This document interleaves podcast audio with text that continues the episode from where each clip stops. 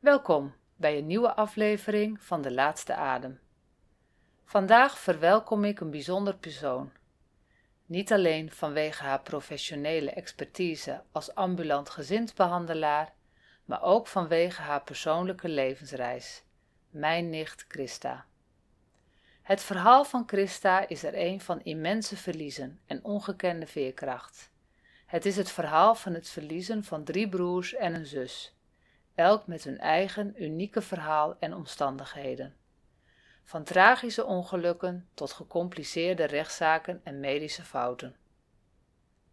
In deze aflevering luisteren we naar haar persoonlijke ervaringen, van de pijnlijke herinneringen aan het verliezen van haar broers Jan en Hans en haar zus Martha. Hoe gaat een gezin om met zulke diepe wonden? En welke impact heeft dit gehad op Christa's keuze om een hulpverlener te worden? Hoe vond ze de balans tussen haar kwetsbaarheid en professionaliteit? En wat zijn de lessen die ze heeft geleerd uit deze jaren van rouw, liefde en veerkracht? We praten ook over de muziek die haar door de donkerste tijden heeft geholpen, waaronder een bijzonder lied van Clouseau, en verkennen het belang van communicatie en erkenning in het rouwproces. Luister mee naar dit diepgaande, emotionele en tegelijkertijd inspirerend gesprek.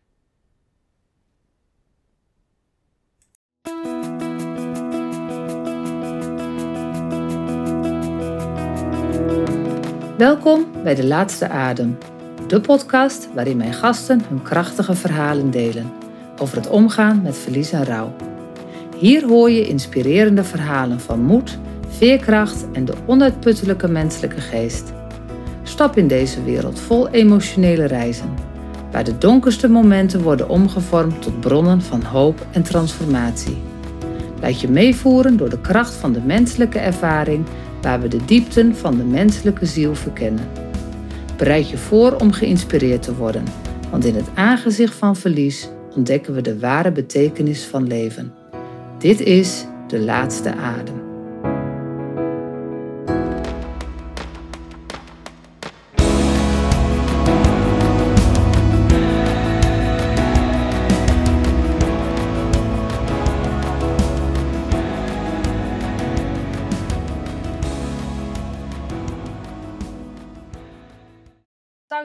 Voorstellen en uh, kort iets over jezelf willen vertellen? Nou, ik ben Christa. Ik, uh, ik ben getrouwd met uh, Eduard. En samen hebben we drie kinderen. Twee bonuskinderen. En ja, ik werk als ambulant gezinswandelaar. Um, ik heb jou gevraagd om mee te doen met, met deze podcast. En wat was voor jou de reden om ja te zeggen? Um, nou, omdat ik nogal uh, veel met verlies uh, te maken heb gehad in mijn leven. En ik denk ook wel goed weer kan geven of kan belichten uh, dat als je op verschillende uh, leeftijden met, met verlies te maken hebt, dat je er toch elke keer weer anders mee omgaat. Dat ja. het niet altijd hetzelfde manier moet zijn van rouwen. Nee, oké. Okay. Um, kun je vertellen wie je verloren hebt in je leven? Uh, nou, ik, uh, ik, heb, ik kom uit een gezin van zes en uh, ik heb alleen nog maar een broer over. Dus ik heb nou, drie broers zijn er overleden en één zus. Kan jij vertellen, want het gaat dan in ieder geval hè, Jan, Hans en Marta hebben we het dan over. Uh, ja, hoe lang is het geleden dat ze zijn overleden? Uh, nou, die baby was dan voor mijn tijd. Dus daar heb ik niet heel, persoonlijk niet zo heel veel mee te maken gehad. Maar uh, ik heb wel gemerkt dat dat wel een onderdeel is geweest van mijn ouders. Ja. Ehm, en ook hun rouwproces. Um, maar mijn eerste broer is overleden toen ik net twee weken voor mijn zesde verjaardag. En wil je ook gelijk weten waaraan ze zijn overleden? Ja, doe maar. Nou, die was dus, uh, die had de eerste vrije weekend van uh, uh, militaire dienst. Die was in militaire dienst gegaan. En de eerste vrije weekend, toen zijn ze met vijftien vrienden, is die naar de, assistitiek gegaan. En op de terugweg, dat zij toen naar, van de assistitiek weer naar het station gingen, toen is eh, mijn broer, nou die was de laatste van de 15 personen, die is geschept door een dronken automobilist. En die is ook doorgereden. Mhm. Nou, dat is nogal heel gedoe geweest. Ehm, uiteindelijk hebben ze hem pas een dag later opgepakt. Maar daar is wel een heel, uh, nou ja, is wel uh, strafzaak tegen geweest. Dus het is wel echt wel een heel dingetje geweest. Omdat die man het ook ontkende dat hij in eerste instantie, oh, nee, dat hij ontkende dat hij mijn broer had aangereden. Ja. Um, nou, dat, dat is één. En dan heb ik nog een broer gehad, die, is, uh, die had altijd last van nierstenen. Mm En zijn, uh, op het moment dat hij weer last had van de niersteen, was zijn eigen huisarts, die was er niet. Dus toen is hij naar een andere ziekenhuis gegaan. En daar hebben ze foto's gemaakt en contrastvloeistof gegeven. Maar daar hebben ze niet goed op de foto's gekeken. Waardoor zijn nieren verbrand zijn. En hij binnen een week uh, nierpatiënt is geworden. Um, maar die nierstenen die werden aangemaakt doordat er een stofje miste in de lever. Mm -hmm. En dat de nieren er nu niet meer waren, is dat stofje zeg maar in zijn lichaam gaan neerslaan. En is hij uiteindelijk dus aan die medische fout overleden. Nou, er is ook een heel proces aan vooraf gegaan. Tien jaar lang een rechtszaak geweest. Uh, waarvan nog drie jaar nadat hij was overleden. Dus die rouwproces, nou, is wel wat langer geduurd. Ja. Wat, wat is daar uitgekomen? Is daar iets uitgekomen? Nou, die, uh, ja, uiteindelijk heeft het ziekenhuis het fout toegegeven. Okay. Uh, maar naar aanleiding van een second opinion die is geweest. En toen heeft de arts het ook later aangegeven dat hij het wel wilde vertellen dat hij een fout had gemaakt, maar dat hij dat van het ziekenhuis niet mocht. Oké, oké.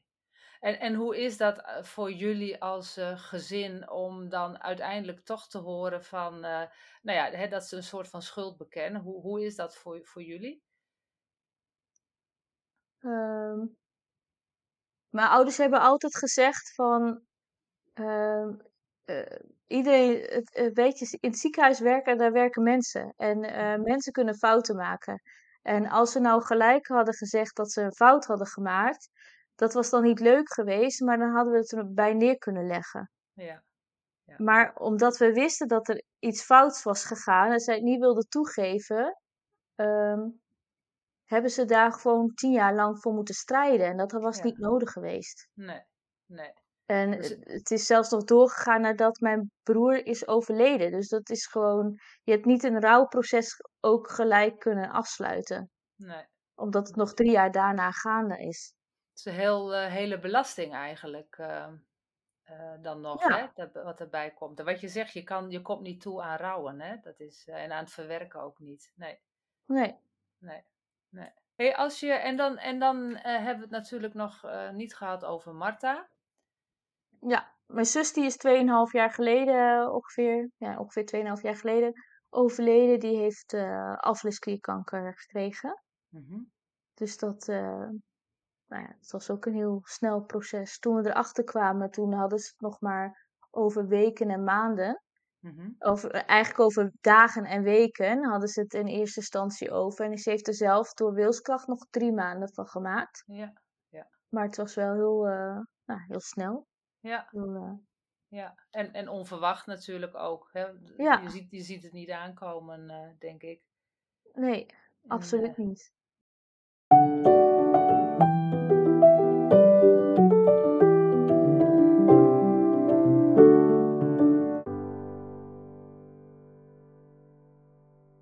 Als we nou kijken naar de verschillende personen, hè? want je, je, je was zes toen eh, Jan overleed. Eh, hoe oud was je toen Hans overleed?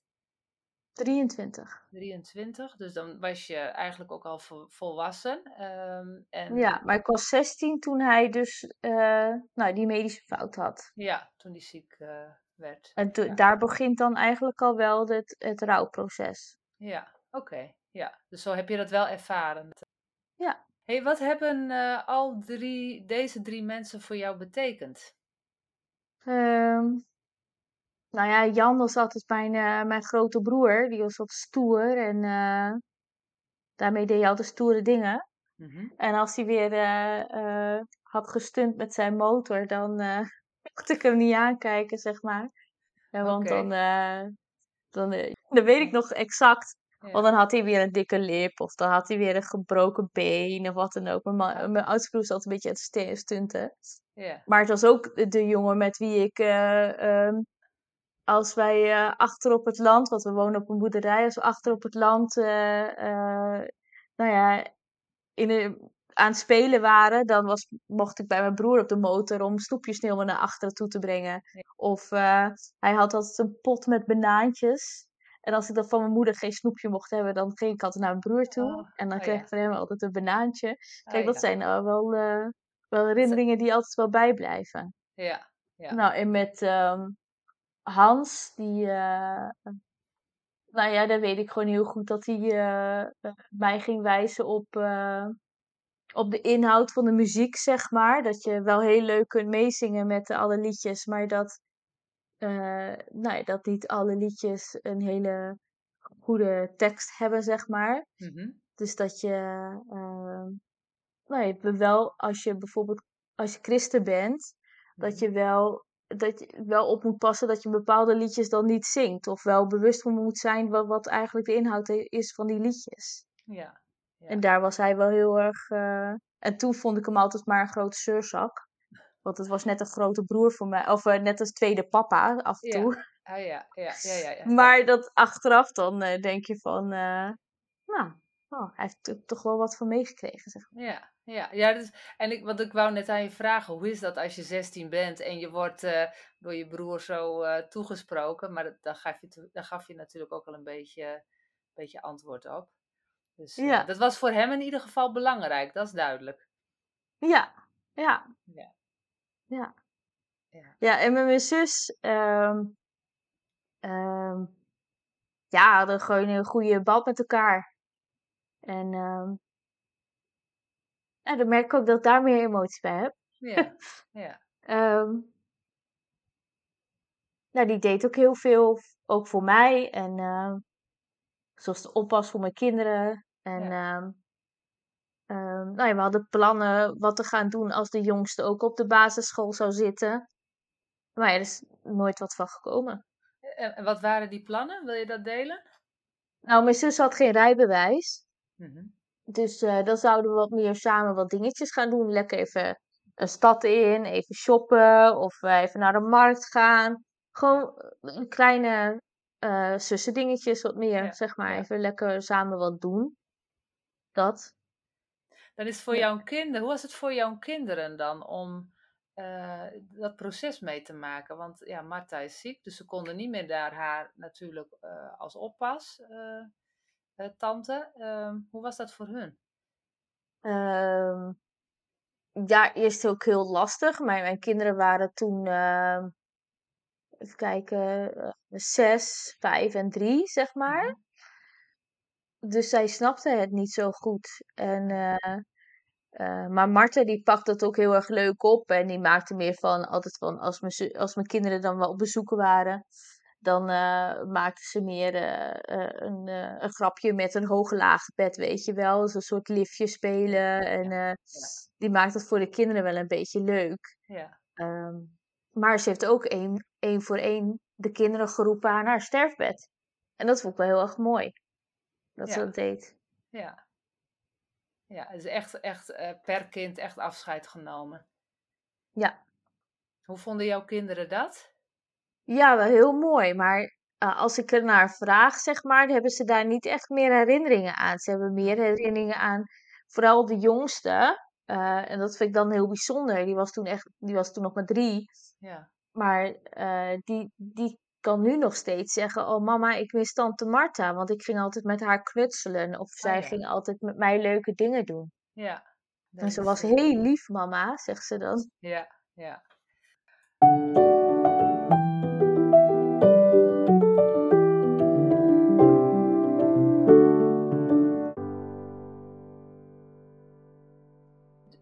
Kijk, bij, bij Marta zag je het aankomen, hè, wanneer ze, eh, wanneer ze overleden was. Want dat, dat was, eh, ja, uiteindelijk eh, was dat wel bekend wanneer dat zou gebeuren. Ehm, maar bij Hans en Jan wist je natuurlijk, nou, bij Hans misschien ook wel een beetje, want die lag natuurlijk in het ziekenhuis, dus dat liep ook wel, wel af. Maar bij, bij Jan bijvoorbeeld wist je niet, ja, waar was je toen, toen je het hoorde dat hij, in ieder geval dat hij een ongeluk had gehad?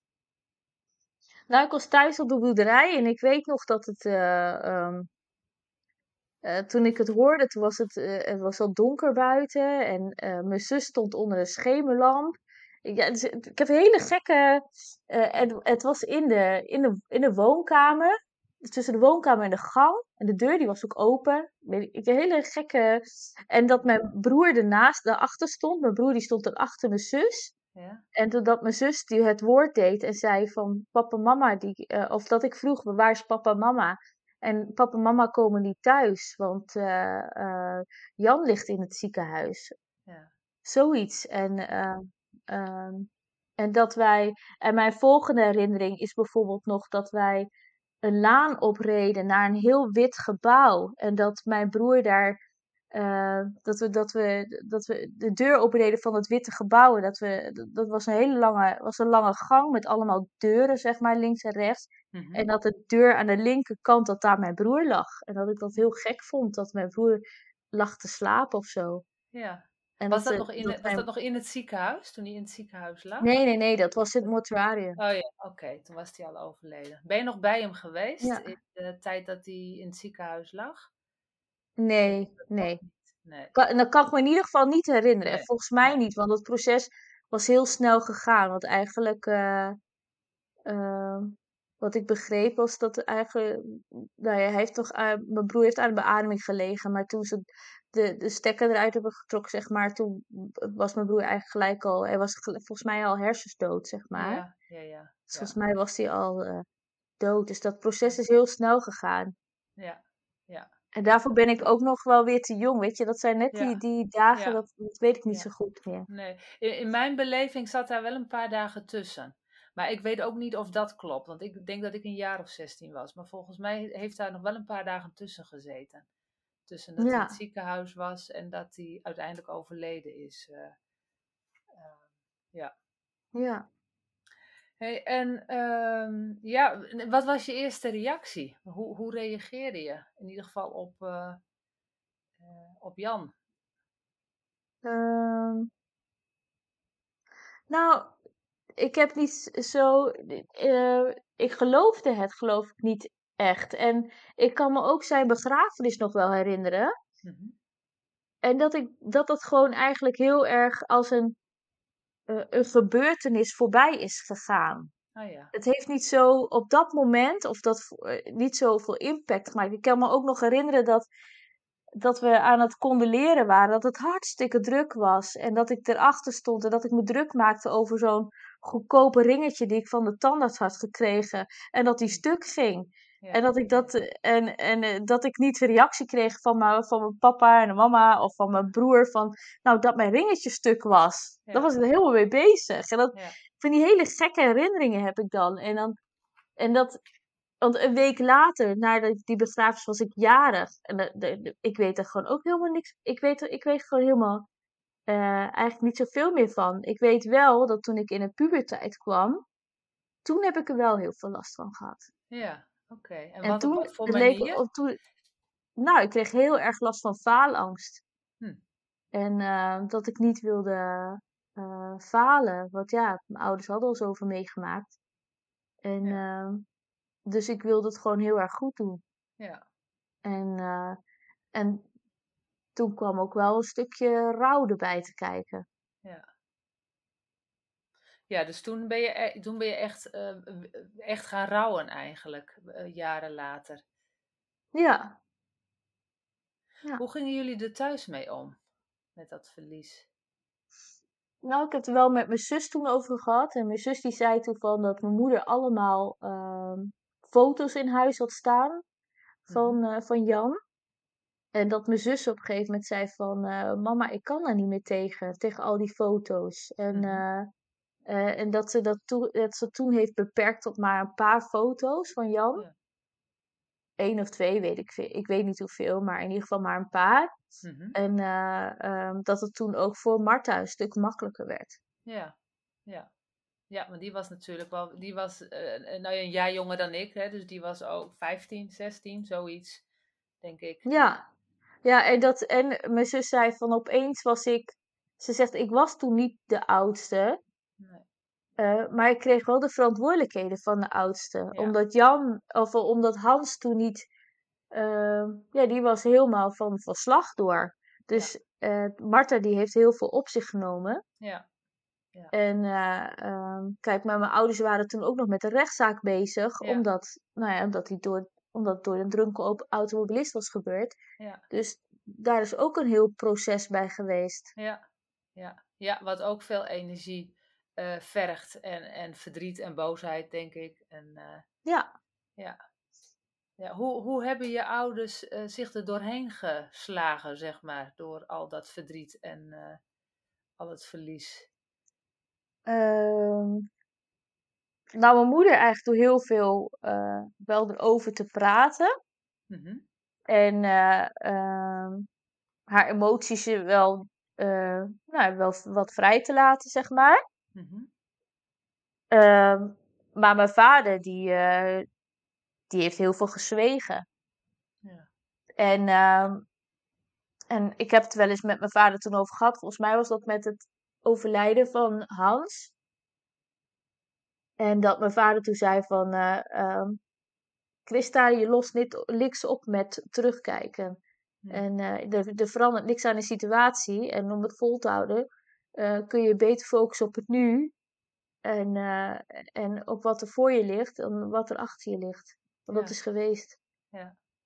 En, en had jij daar iets aan? Kon je daar iets mee? Ehm, ja, ja.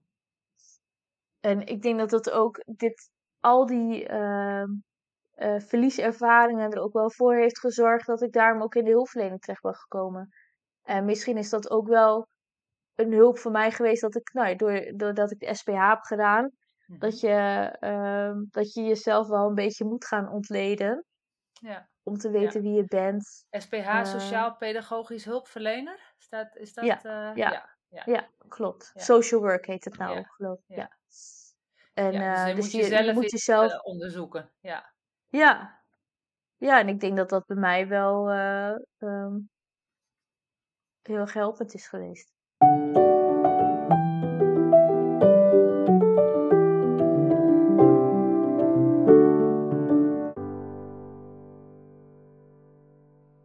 En eh, als we dan kijken naar eh, toen Marta overleden is, ehm, wil je daar iets over vertellen, hoe dat gegaan is? Ehm, nou ja, toen Marta is overleden, ehm, eigenlijk hebben wij, eh, mijn man en ik, hebben heel veel eh, daarvoor al gedaan. Dus we hebben, Mhm. zijn bij heel veel ehm, familiegesprekken ook geweest. Mhm. Omdat mijn zwager en de kinderen, zeg maar, die vonden het allemaal toch wel heel erg lastig. Ja. Dus eh, toen hebben mijn man en ik dus dat heel veel gedaan. En dat heeft er wel... Het, weet je, het was heel moeilijk, maar het was ook wel weer heel fijn Ja. Om dat te kunnen doen. En wat maakt het voor jou dat dat fijn was? Of voor jullie dat het fijn was? Omdat dat het laatste is wat je nog voor een ander kan doen. Ja. Ja. En zo heb je het, zo heb je het echt gevoeld, dat je dat nog voor, ze, voor hun hebt kunnen doen. Ja. Heeft Marta dat ook zo ervaren? Ja, ik denk het wel. Ja. En helpt dat dan ook een beetje in het verwerken van, van, eh, van het verlies? Of maakt dat, maakt dat niet uit? Nee, het heeft mij wel geholpen. Om, eh, om dat mee te verwerken. Ja. Maar ik had wel, toen het eenmaal gebeurd was. Ja, de dag zelf was ik heel verdrietig. Maar ehm, daarna had ik echt even een behoefte om er gewoon even helemaal terug te trekken of zo. Ja. Even, even niet op zo jezelf. behoefte aan mensen om me heen. Nee. Maar we- toen zaten we ook nog in coronatijd, hè? Dus volgens mij eh, klopt toch? Dat was nog een beetje in Ja, coronatijd. Dus eh, je, je kon je ook makkelijker afsluiten, denk ik, of niet? ja, nou, ik moet zeggen dat ik dat toen wel heel erg lekker vond. Ja, Wel heel fijn vond om even back to basic te gaan of zo. ja, ja, In die hele rollercoaster van emoties even nou, de rust opzoeken of zo. ja. ja.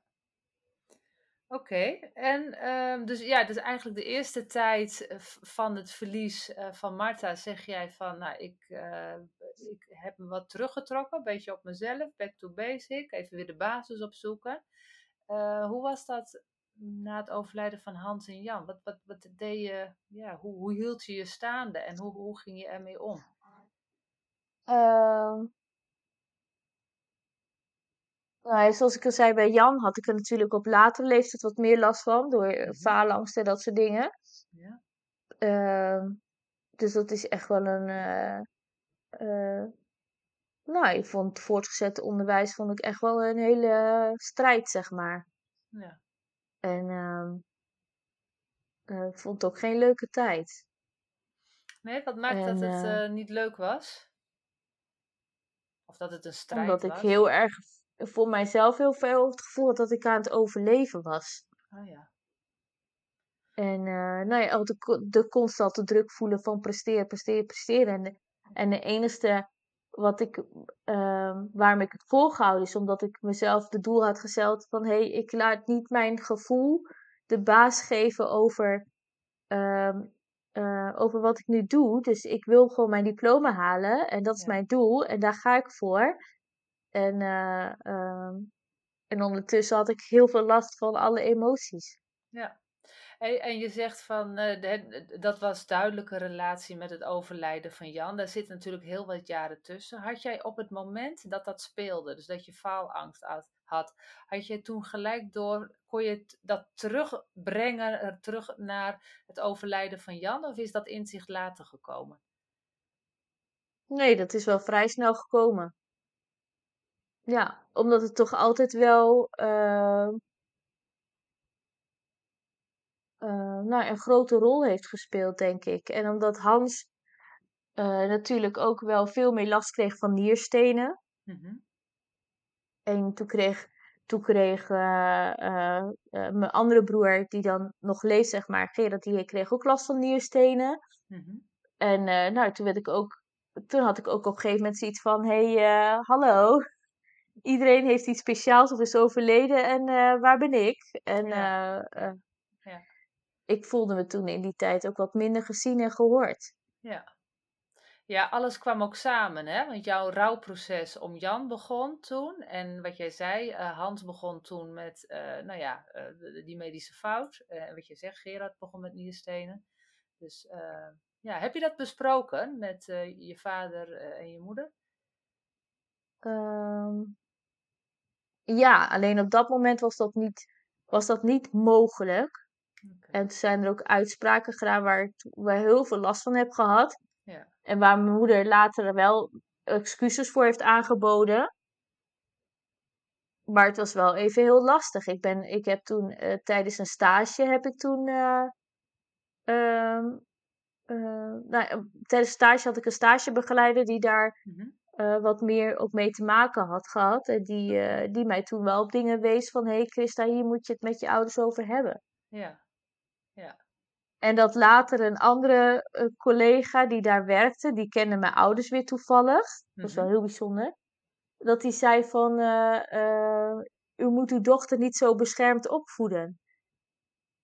En, toen dacht, en dat kon ik toen nog niet helemaal plaatsen. En pas later kon ik het pas plaatsen van, oh, maar dat is wat ze bedoelde. Oh ja, en, en wat bedoelde ze? Ehm, nou, dat mijn moeder me wel voor heel veel dingen eh, soms wat klein probeerde te houden. Of eh, ehm, ehm, ehm, niet, hoe moet je dat nou zeggen? Niet echt kennis liet maken met eh, wat in de wereld speelde of zo. Dus zodat je. nou, niet met volwassen dingen wat bezig bent. Dus Ja, ik, kan het heel moeilijk, het, Ja, moeilijk ja, uitleggen. Het is heel, ja. ja, ze, ze beschermden mij meer voor allerlei eh, dingen. Nou, en misschien i- kan het ook zijn beschermen voor mogelijk verdriet en pijn. Eh, eh, zou dat het ook kunnen zijn? Of uit angst dat, je, wel. dat je gekwetst eh, wordt, inderdaad proberen te beschermen tegen van alles en nog wat. Ja, ja. En toen, want, ja, want toen mijn broer overleed. Mijn eh, broer Hans dan overleed, toen eh, ehm, had ik een relatie van, van eh, zes jaar. Mhm. En daarvan kreeg ik niet de steun die ik nodig had. Hij vond, hij, was, hij, hij zong ook in een coverband, zeg maar. Mhm. En eh, ehm, hij vond zijn optredens toen belangrijker dan het er voor mij zijn. Terwijl ik wist dat mijn broer elk moment kon gaan overlijden. En dat vond ik heel erg. Ja, En dat mijn moeder toen zei, toen had ik al zoiets van, nou hé, hey, maar dan wil ik ook niet met hem oud worden. nee. En dat mijn moeder toen tegen me zei van, ja, maar Christa, hij heeft nog nooit met zoiets te maken gehad. Dat kun je hem niet verwijten. Mhm. En eh, Ze nam het een beetje voor hem Eh. op, eigenlijk. ja, Ja, terwijl ik dacht van, nou, het is toch mijn eh, broer. Je gaat toch voor iemand, je gaat toch iemand steunen als zoiets gebeurt. En dan ga je toch niet je optredens belangrijker vinden. Nou, ik vond het zo, ik was er zo boos om. ja, Toen heb ik het toch nog, dat mijn broer is overleden, toch nog een paar maanden uitgehouden. Ja. Toen, heb ik er, toen heb ik een streep doorgezet. En eh, ehm, toen ben ik een, eh, toen heb ik mijn studie afgemaakt nog. Die heb ik iets later afgemaakt dan wat er tijd voor stond. En toen ben ik een jaar naar het buitenland gegaan. Ja. En dat mijn moeder toen tegen anderen zei van... eh, het lijkt net alsof ik opnieuw afscheid moet nemen van een kind.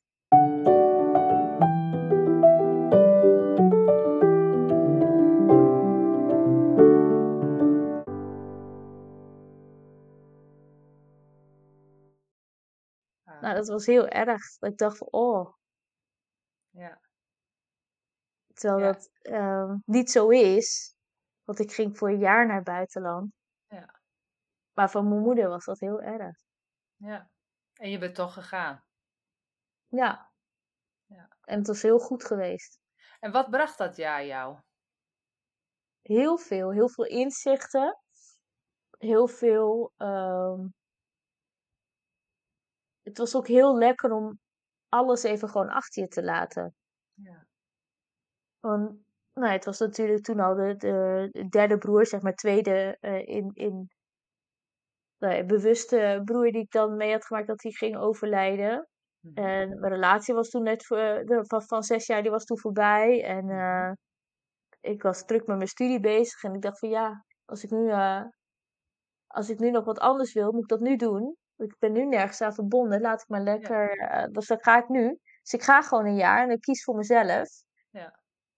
En eh, eh, dat is gewoon heel goed geweest om een jaar even weg te zijn voor alles en iedereen. En eh, in een land te komen waar je niemand kent. ja. En waar niemand jou kent en de geschiedenis niet Ja. kent, misschien. Klopt, ja. Weet je er ook eh, in je omgeving, gingen ander, mensen anders met jou om? Nou, niet, niet daar natuurlijk, want het buitenland kenden ze jouw voorgeschiedenis niet. Maar de mensen die jouw voorgeschiedenis kenden, heb je het gevoel dat je anders behandeld bent? Of, Nou, ze kijken wel anders naar je. En ehm, eh, vooral als ik aan eh, mensen wel eens vertel, dan, dan wordt er soms een vraag gesteld van, nou, eh, uit wat voor gezin kom je? Mhm. En dan, nou, dan vertel ik dat ik, nou ja, dat, dat, dat vind ik het altijd heel lastig om te vertellen. Bijvoorbeeld nu ook om te vertellen van, nou, oh, ik heb, ik heb een broer. En denk ik van, ja, maar dat klopt niet. Nee, Ik heb niet alleen maar een broer. nee. En als ik dan vanzelf vertel dat ik uit een gezin van zes kom en dat er al vier zijn overleden. En dan krijg je soms van die ongeloofwaardige blikken. Dat Ja. ze zoiets hebben van, oh. Ehm, en dan denk ik bij mezelf van, had je, eh, vraag je nou die vraag, of heb je nou die vraag gesteld omdat je echt daadwerkelijk interesse in mij had? Of Mhm. of ehm, vroeg je het nou gewoon uit nieuwsgierigheid en mag het niet moeilijk zijn en eh, nu haak je alweer af? Ja, Dat lijkt me lastig. Ja. Nou, en, dat, en dat merk je toch wel dat je dat wel eens, uh, uh, dat je wel eens tegen die personen aanloopt. Dat je denkt Ja. van nou, hmm, Waar, waar, niet, het, ehm, het- weet je, veel mensen hebben, vinden het ook lastig, hè? Om eh, eh, überhaupt, eh, over de dood wordt natuurlijk niet echt gesproken. En als je al iemand verloren hebt, dan, dan zijn dat ook vaak van die lastige onderwerpen. Ehm, is, het, is het vervelend als mensen beginnen over Hans of Jan of over Marta? Is dat vervelend voor nabestaanden? En hoe, of hoe ervaar jij dat? Nee, ik vind het niet vervelend. Maar ik kan me wel eh, nog herinneren toen mijn broer overleed, Hans overleed. ehm, dat, eh, dat ik ging toen naar een, eh, een, een gespreksgroep van de kerk. Mhm. En dat daar dan een vrouw was, of een gespreksleidster zeg maar, was. En die dan zei van, ik vind het toch zo erg voor je ouders. En ik vind het toch zo erg eh, voor jullie dat eh, jullie je al eh, eh, eentje hebben verloren. En dan heb je er nog iemand verloren. En, en dat herhaalde ze niet één keer, maar dat herhaalde ze soms meerdere keren op verschillende clubgespreksavonden, zeg maar. Mhm. En dat was wel vervelend. En mijn Ja. broer die was er toen, zat toen in dezelfde groep. Ja, En die heeft dat ook wel heel vervelend ervaren. ja, ja. Dat, het, het was. Ehm, ja, ik weet niet. Ehm, op een gegeven moment kom je voor die, voor die gespreksavond, kom je, ik weet, je, wil- je wilt er wel een keer over hebben, Ja. maar niet elke keer. Nee, nee, nee, En Nee, niet en al- altijd. nee. En ook niet altijd aan herinnerd worden misschien. Nee. Nee. Nee. Nee. En nou ja, wat, wat ook wel is gebeurd, wat me ook heel goed is bijgebleven, dat ik toen mijn eh, diploma haalde van het voortgezet onderwijs. En dat er een vrouw was die mij toen een eh, roos kwam brengen vanuit de kerk. Mhm. En eh, dat die tegen mijn moeder zei van. ehm, want toen hadden ze het over. dat mijn moeder zei van. Oh, ik ben zo blij dat mijn dochter dit heeft gehaald. En bla bla. En, eh, eh, en ik vind het zo jammer dat mijn andere eh zoons dat niet meer kunnen meemaken. Zoiets had ze gezegd. Ja, ja, En dat, mij, dat, die, dat die vrouw dan zei van... eh, ja, maar dat is al zo lang geleden. Daar moet u nu niet meer over nadenken hoor. Je moet nu even de blik focussen op de toekomst. En eh, dat, nou, mijn moeder die was intens verdrietig. Intens. Nou, dat, dat, dat, dat beeld raak je ook nooit kwijt. En die opmerking blijft ook altijd bij dat je denkt van... Hoe kan je het in je hoofd halen Ja. om zo'n uitspraak te doen? Wat afschuwelijk, hè? Ja, Wetende dat eh, die vrouw al twee kinderen heeft verloren. ja, ja, ja. Ja, en eigenlijk drie. Nou, dat vind ik heel erg. Ja. Ja, drie. Ja, Ja. drie keer. Ja, nou ja, waarom ik het ook wel een beetje vraag, want ik, eh, meestal als ik even naar jouw ouders eh, ga, eh, dan ga ik altijd van tevoren even naar, eh, naar, naar het graf. Hè. Dan ga ik even, ik zeg altijd, dan ga ik naar de jongens en naar Marta. En dan Mhm. eh, even een bloemetje brengen. eh. maar dat, dat zeg ik ook altijd wel tegen ze. En ik denk, dan denk ik wel eens van, ja, willen ze dat wel horen? Willen ze dat niet horen? Dus het is ook een beetje zoeken voor de omgeving. Dat kan ik me ook voorstellen van, ja, wanneer, wanneer breng je het wel te sprake of wanneer breng je het niet te sprake? Ehm, ja, dat is ook lastig. Dat is ook Nou, mijn moeder die heeft altijd wel heel veel, die vindt het heel prettig. Ja, Want die heeft, zoiets, die heeft dan het gevoel van, hé, er wordt nog steeds aan gedacht, ook al is het lang geleden. ja, En mijn vader, die, die heeft meer zoiets van, eh, eh, ja, van hem is het anders. ja. Die haalde wel eens de tijd, die heeft wel eens een keer een bijbeltekst erbij gehaald dat hij zei van, eh, wat zoekt gij levende bij de doden? Oh, En ja. met andere Ja. woorden van, waarom eh, zoek je het op als ze, als ze daar toch eigenlijk niet meer zijn? ja, ja, ja, mooi. Dus dat zijn twee hele verschillende belevingen. Ja, ja. En wat jij zei, ook lastig dan best voor je ouders, hè? Als de een het zo op zo'n andere manier verwerkt dan een ander, hè? Dat zie je ook, dat Ja, eh, eh, mannen en vrouwen rouwen al anders. Maar ja, ook in jullie gezin ging dat natuurlijk anders. Want jouw vader was misschien veel meer een binnenvetter. Uh, en jouw Ja. moeder wil heel graag toch wel eh, eh, ja, woorden aangeven. Ja. En nog steeds hoor. Nog steeds is dat gewoon verschillend. Ja, ja, ja, ja, dat blijft inderdaad. eh, Ja.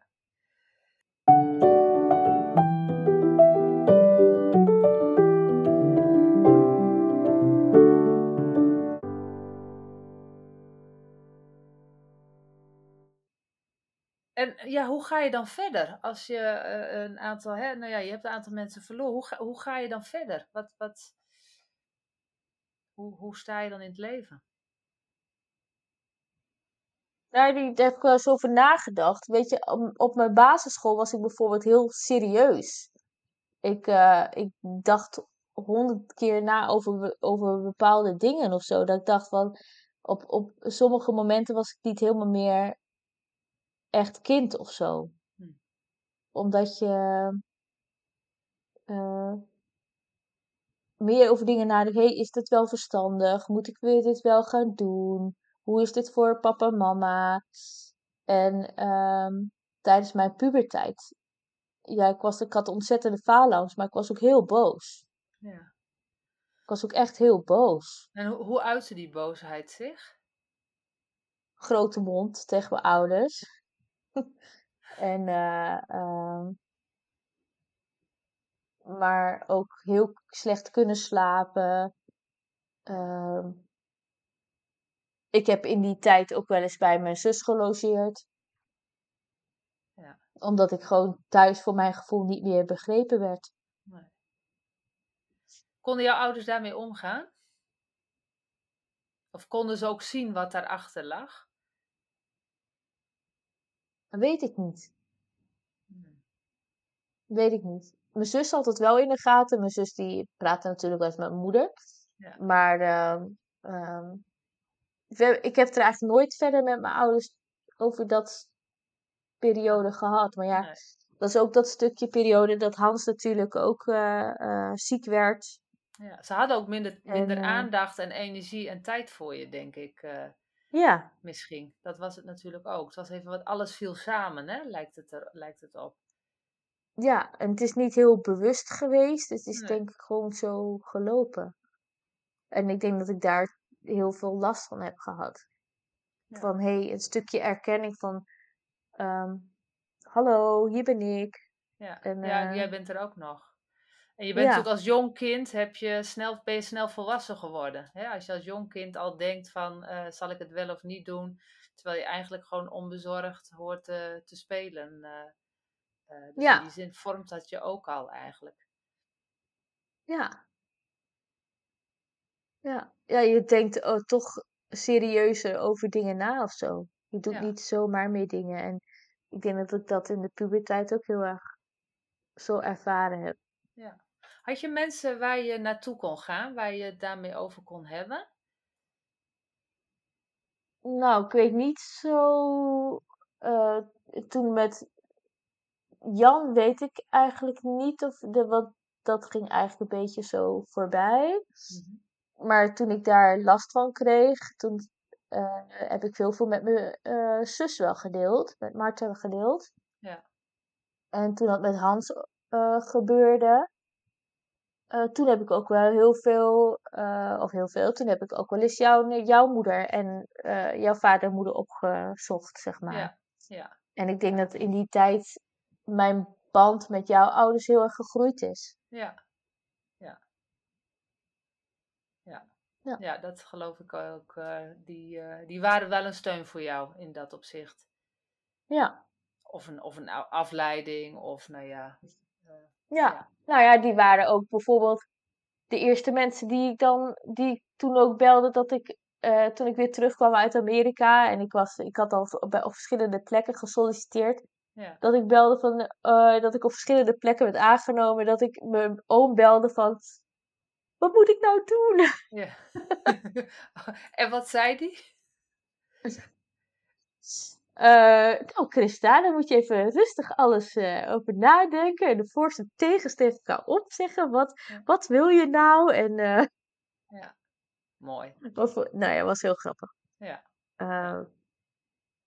Ja, maar die waren, die waren wat meer van de wereld, zeg maar, dan Ja. mijn ouders, die, waarvan ik toen soms het gevoel had dat ze een beetje in een kokonnetje leefden, zeg Ja, maar. Omdat ja. ze zoveel ehm, mee hebben gemaakt, maar zich ook daarmee bezig moesten houden. Weet Ja, je, het was ook ja. niet echt een keuze, omdat Nee. Ehm, ja, ze, ten eerste hebben ze het proces gehad van mijn broer Jan. Daarna Mhm. hebben ze het proces gehad van mijn broer Hans. Ja. Waar ze ook echt tien jaar mee bezig zijn geweest om te procederen. Ja. Ehm, dus het is misschien ook iets wel achteraf iets bewust geweest dat ik dat niet met hun heb gedeeld. Dat ik Nee. meer daarmee met eh, nou, ja, jouw ouders bijvoorbeeld opzocht. Ja, die natuurlijk heel goed van de situatie wisten. Hè, dus dat hoefde je niet meer uit te leggen. Hè? Dus je kon. Nee. eh, dat is, dat is, is dat een voordeel? Was dat een voordeel? Heb je dat zo ervaren? Ja, voor mij wel. Ja. En vooral omdat mijn. Wacht hoor. Ja, geeft niks. Neem je tijd. Vooral omdat mijn tante toen wel tegen mij zei van... Ach, Christa. ehm, ja, je hebt het ook allemaal maar meegemaakt, hè? Ja. Eh, of in ieder geval dat ik van mijn tante wel dat stukje ook erkenning kreeg van... ehm, dat ik er ook mocht zijn. Ja. Ja, en dat, en dat raak je nog zichtbaar. Ja, Ja. Ja. ja, Ja. Mooi. ja. Dus daar heb je, daar heb je in ieder geval wel, eh, ja, wel wat aan gehad. hey, en eh, nou ja, je, ja, ik kan bijna niet voorstellen dat het niet zo is, maar ehm, in jouw geval, eh, drie mensen die je kent, die je dierbaar zijn, zijn overleden. Ehm, heeft jou dat veranderd? En, en op welke manier? Je hebt er al een klein beetje over gezegd. Je was heel serieus, hè? goed nadenken, ook keuzes maken. Maar heeft het je. Nou, heeft het nu ook nog invloed op je leven? Nou, ik denk dat ik daar wel de hulpverlening mee ingegaan. Ik denk dat het wel een heel grote eh, eh, weerslag daarop heeft gehad. Ik denk dat ik anders ehm, ehm, toch meer een beroep had genomen met iets meer afstand van mensen of zo. Ja. Ja. En, eh, eh, en dat heb ik nu niet. Ik, eh, ik heb wel eh, zo'n innerlijke drive in mij dat wel voor zorgt dat ik graag wil dat anderen, dat ik anderen kan helpen. Van hoe ga je om met eh, pijn en verdriet en verlies en Ja. nou ja, dat soort dingen. Ja, En, het, en het heeft er ook wel voor gezorgd dat ik wat sensitiever ben. Dat ik wel eh, dingen sneller aanvoel. Wat niet altijd leuk is, Nee. maar het helpt ook wel in sommige situaties. Ja, hel- helpt het met het begeleiden van mensen? Nou, ik denk in ieder geval mensen die met rouw en verlies te maken hebben gehad. Maar heb je ook gevoel dat je, ze, dat je dan meer voor ze kunt betekenen dan, dan wanneer je dat niet had meegemaakt? Ehm, nou, ik denk dat ik wel een soort eh, eh, ja, gevoeligheid voor heb of zo. Ja, Een soort zesde zintuig voor heb Ja. ontwikkeld of zo. ja, ja. Ehm, ja. Je voelt situaties wat sneller aan. Ja. En ehm, ik weet niet of dat zo zou zijn geweest als je dit niet had meegemaakt. Nee. Nee, en misschien omdat je natuurlijk zelf kind bent geweest en het als kind hebt meegemaakt, dat je ogen dan, dat je blik eh, en aandacht ook wat eerder bij het kind is of zo. Klopt dat? Her- Herken je daar iets in? Dat je, Ja, dat je het kind, ja. dat je het leed van het kind zo goed, eh, nou ja, of aanvoelt of in ieder geval weet wat het betekent als kind om dit mee te maken. Of als jongere, hè, als tiener. Ja, nou, dat eh, klopt wel. Ik heb dat wel ook wel in mijn werk ook wel eens daarvoor gebruikt. Ja, En, s- en dat ik ook wel met collega's heb afgewogen van, hé, hey, moet ik nou een stukje over mijzelf gaan vertellen of niet? Is dat in dit geval wijs of niet om dat te doen? ja, ja. En is daar een eensluitend antwoord op voor jou? Ehm, nou, het is best wel goed om je als uh, hulpverlener kwetsbaar op te stellen. Mhm. Maar het moet niet zo zijn dat jij door je kwetsbaar op te stellen, dat de ander de rol van jou over moet nemen of zo, Nee, zeg maar. nee, nee, nee. er zit nee, daar precies. wel een scheidslijn in. Ja, daar moet een beetje afstand tussen zitten. Is wat Ja. ik je hoor zeggen dan. Ja. Ja. hey, en ehm, als je nou ehm, een herinnering mag noemen, eh, alle drie. Wat is je mooiste herinnering aan Jan? Ehm, dat ik met hem mee mocht eh, op de motor en dat hij in, in zijn groene auto, ik weet nog dat hij een groene auto had, dat, we dan, dat ik dan wel eens met hem mee mocht en dat we dan stiekem een patatje gingen eten, wat ik dan niet aan mijn moeder mocht vertellen. Oh ja. ja. Want we moesten nog eten. Ja. Oh ja, oh, dus, oh ja. Ja, ja. En dat lukte ook nog, Dat- dat eten daarna, of niet? Waren dat maar nou ja, het kwam er wel heel snel uit dat ik natuurlijk al een patatje had gegeten. Ja, ja, dus, eh, ja. Ja. Ik denk dat mijn moeder mijn, mijn eh, broer ook wel lang genoeg kende om te weten wat er dan eh, zou gaan gebeuren. Ja, ja, ja. Ja, en je mooiste herinnering aan Hans? Ehm, ja, toch wel dat hij er eigenlijk, ja, ook al was hij, vond ik hem toen wel heel vervelend dat hij wel papa speelde en zo, maar Mhm. dat hij er eigenlijk wel altijd voor ons was. Oh ja, Hij was echt wel een grote broer. Ja. En wat bedoel je dan met dat hij er altijd voor ons was? Nou ja, mijn broer die had natuurlijk, eh, die was 14 jaar ouder dan mij. Dus eh, als we ergens heen moesten of, eh, nou ja, ehm, toen hij niet meer auto kon rijden en ik had net mijn autorijbewijs, Mhm. mocht ik nog gewoon zijn auto gebruiken. En eh, ehm, weet je, dingetjes van elkaar lenen. Maar je ook gewoon met dingen helpen. Ja, Eh, als ik weer een lekker band had, dan, dan ging hij die maken. Weet je, zulke dingen. ja, ja. Mooi. En je mooiste herinnering aan Marta? Ja, ik denk dat we best heel veel dingetjes samen hebben gedaan. Toen zij de kinderen klein had, toen ging ik met, met eh, eh, mijn zus en zwager mee op vakantie. En, en andersom, eh, toen ik mijn, zus, mijn kinderen klein had, was mijn zus daar. Dus ik paste wel eens op op haar kinderen toen Ja. ik tiener was en zij. eh, en andersom heeft zij dat voor mij gedaan.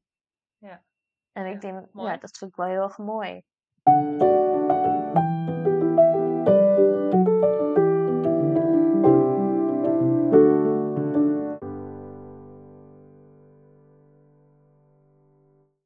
Ja, houd je nog de gedachte aan, aan, aan Hans en aan Jan en aan Marta? Hou je die nog bewust eh, levendig of doe je daar bewust nog iets mee? Ehm, nou, het is niet dat. dat eh, kijk, ik, ik zeg niet dat ik maar één eh, broer heb. En als ik er geen zin heb om erover te praten, dan zeg ik. Eh, ik heb nu nog eh, één broer of zo. En dan laat ik het aan de ander over of ze, dat, of ze horen of er nog wat achter zit, zeg maar. Ja, ja, Dan denk ik van, nou, als, als ze echt goed luisteren, dan horen ze wel, oh, Ja. nog maar één broer, dus je hebt er nog wat meer. Nou, dan vertel ik er wat over. Ja. Eh, ehm, maar soms doe ik het wel heel bewust zo, zeg maar. Ja, ja. Ik wil er niet altijd, ik hoef er niet altijd over te hebben, nee. maar soms is het moment daar gewoon ook wel heel fijn. En ik ben, ik heb, ben er wel met mijn kinderen wel heel open over. Ja, En ik neem ze ook wel eens mee naar, naar, eh, naar de begraafplaats. mhm, doe ik niet zo vaak, nee. omdat ik daar zelf niet zo heel veel van, vanuit haal. Ik haal meer uit foto's en herinneringen. Ehm, maar ik vind het voor de kinderen wel een bewustwording. Ja. Ja, ja, er is meer in het leven dan het leven, hè? Ja, de dood hoort er ook bij. Ja. Heeft ook een plek. Dat zou Ja. een plek moeten hebben. Hey, als je nou eh, terugkijkt op het rouwproces, ehm, wat heeft je geholpen in dat rouwproces? Om het, in het verwerken van het uh, verdriet. Ehm,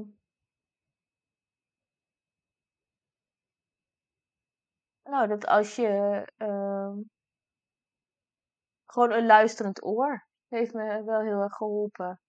Maar ook dat uh, de mensen uh, jou ook zien, ook al ben jij niet uh, de zieke of de overledene persoon, zeg maar, maar dat jij er ook nog bent. Ja, ja. dat je niet vergeten wordt. Nee. Nee. Ja. En ik denk dat dat wel nou, wat, wat tijdens mijn, uh, mijn kindertijd en mijn pubertijd wel, uh, uh, wat, ik, wat mij wel heel erg bij, erbij is gebleven. Dat ja. wel heel belangrijk is dat je die juist niet gaat vergeten. Nee, dat je gezien, gezien wordt. Ja. En erkend ook, hè, in het verdriet en de rouw die er ja. is. Ja. ja, maar ook het niet alleen zozeer dat, maar ook dat, dat ze ook nog wel oog hebben over jou. En niet alleen maar het gesprek gaat over de overledene. Ah, of ja, over ja, de ja, zieke. of over... Ehm, Dan denk ik van... eh, eh, ik was als kind ook een onderdeel van het gezin. Maar mij werd niet gevraagd hoe het met mij ging. Nee, nee. Of wat ik aan het doen was. Of Nee. wat dan ook. Of wat je leuk vond. Of, eh, ja. Ja, Dus eigenlijk voor het, voor het gewone. Hè? Eh, dus niet altijd het gesprek hebben op, over het verlies of de rouw, maar ook aandacht hebben voor nou, de dingen waar je mee bezig bent en waar je blij van wordt en waar je zin in hebt. Ja. Wat je Ja. beleefd hebt. Dus de gewone dingen, zeg maar, de gewone ja gesprekjes. klopt. Ja. Ja, dat vond ik op eh, toen wel heel erg eh, belangrijk. Ja. Was, of tenminste, dat had ik denk ik wel heel fijn gevonden. Als dat Ja. toen was geweest. En als we het hebben over rouwen, zou je daar, zou je, zou je iets nu, ehm, als je terugkijkt, zou je nu iets anders hebben gedaan? Of kan je daar iets over zeggen? Ehm, nou, ik weet niet eens zozeer of ik iets anders zou hebben gedaan. Maar ik denk dat ik als. Dat ik het misschien wel fijn had gevonden als mijn ouders misschien iemand in hadden geschakeld die, waarbij je over het rouw kunt praten of zo. Oké, ja. Dat ze dan, iemand dan voor je hulp, hulpverlening. Ja, ja. Op de, om, om het eh, een goede plek te kunnen geven. En niet dat je daar dan later nog zoveel last van hebt gehad. Ja. Maar ik, het is wel belangrijk om er altijd wel over te praten. Het helpt wel. Gaat rouwen over? Nou, ik denk dat eerder de scherpe kantjes eraf gaan. Hm. Maar er zijn altijd wel eh, momenten dat je er even last van hebt. Ja. Het is niet, het is niet altijd op de voorgrond aanwezig. Maar zoals met mijn zus, is nog, dat is 2,5 jaar geleden. eh, daar heb ik nog meer, nou ja, rouw, eh, wat, wat meer last nog van, zeg maar, dan mijn eh, broers. Ja. En het is niet dat ik mijn zus belangrijker vind dan mijn broers, maar dat het gewoon, eh, de intensiteit qua gevoel is gewoon anders. Omdat het nog zo kort geleden is, of omdat je meer tijd met haar hebt doorgebracht uiteindelijk?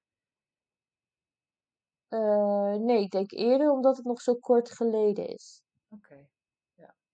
Want als je. ehm, soms, soms schiet het wel door mijn hoofd van hé, hey, hoe zou mijn leven eruit hebben gezien als ik in een intact gezin eh, was Ja. opgegroeid? Dan was het denk ik heel anders geweest. Ja. Maar dan had ik waarschijnlijk ook, was ik ook niet de hulpverlening gegaan. Dan had ik misschien wel iets heel anders gedaan. Maar het heeft me wel gevormd tot wie ik nu ben. Ja.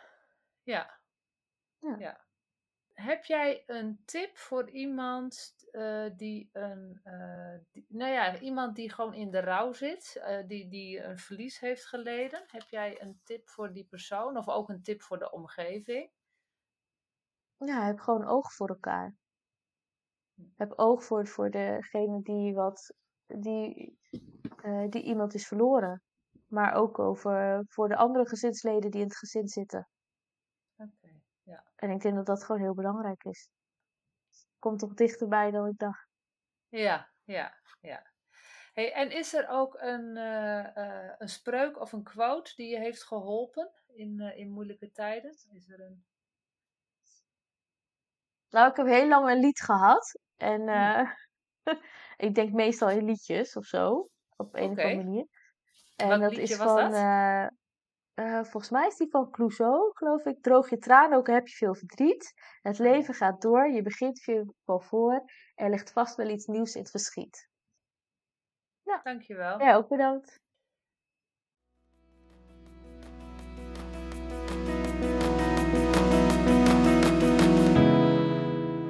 Met het einde van deze aflevering van De Laatste Adem bereiken we het einde van een reis met een inspirerend verhaal.